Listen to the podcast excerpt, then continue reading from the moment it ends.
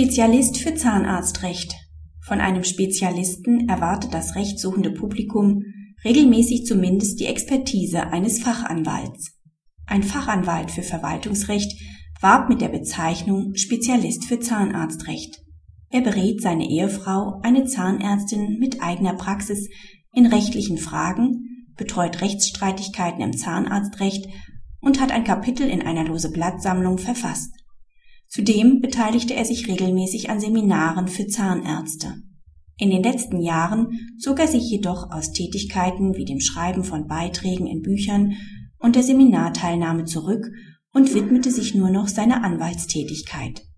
Die Rechtsanwaltskammer war der Ansicht, dass der Anwalt mangels Erfüllung der Voraussetzungen zur Führung einer Fachanwaltschaft für Medizinrecht nicht mit der Bezeichnung Spezialist für Zahnarztrecht werben dürfe. Das Landgericht gab der Unterlassungsklage statt. Das Oberlandesgericht Karlsruhe erachtete die Berufung für unbegründet. Die Werbung mit der Bezeichnung Spezialist stellt einen Verstoß gegen Paragraph 7 Absatz 1 Satz 2 Bora dar. Hiernach dürfen Anwälte qualifizierende Zusätze nur dann verwenden, wenn sie auf dem benannten Gebiet in erheblichem Umfang tätig gewesen sind. Nach Paragraph 7 Absatz 2 Bora sind Benennungen zudem unzulässig, soweit sie die Gefahr einer Verwechslung mit Fachanwaltschaften begründen oder sonst irreführend sind. Mit dem Hinweis Spezialist für Zahnarztrecht hat der Anwalt einen qualifizierenden Zusatz im Sinne des Paragraph 7 Absatz 1 Satz 2 Bora verwendet, ohne die dafür erforderlichen Voraussetzungen zu erfüllen.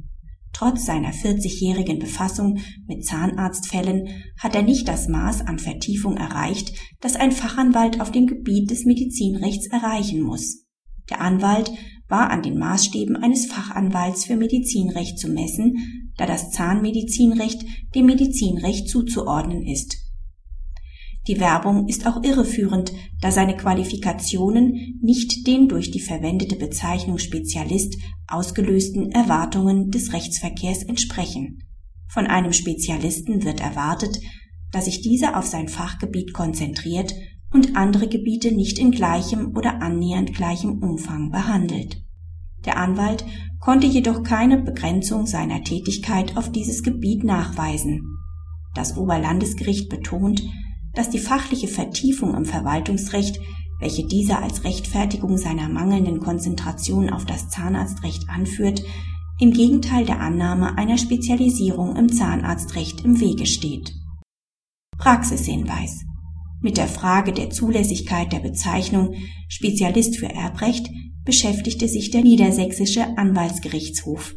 Er entschied, dass ein Fachanwalt für Familienrecht nicht vorwiegend auf dem Gebiet des Erbrechts tätig ist, so dass ihm deshalb die Möglichkeit verwehrt ist, sich auch als Spezialist für Erbrecht zu bezeichnen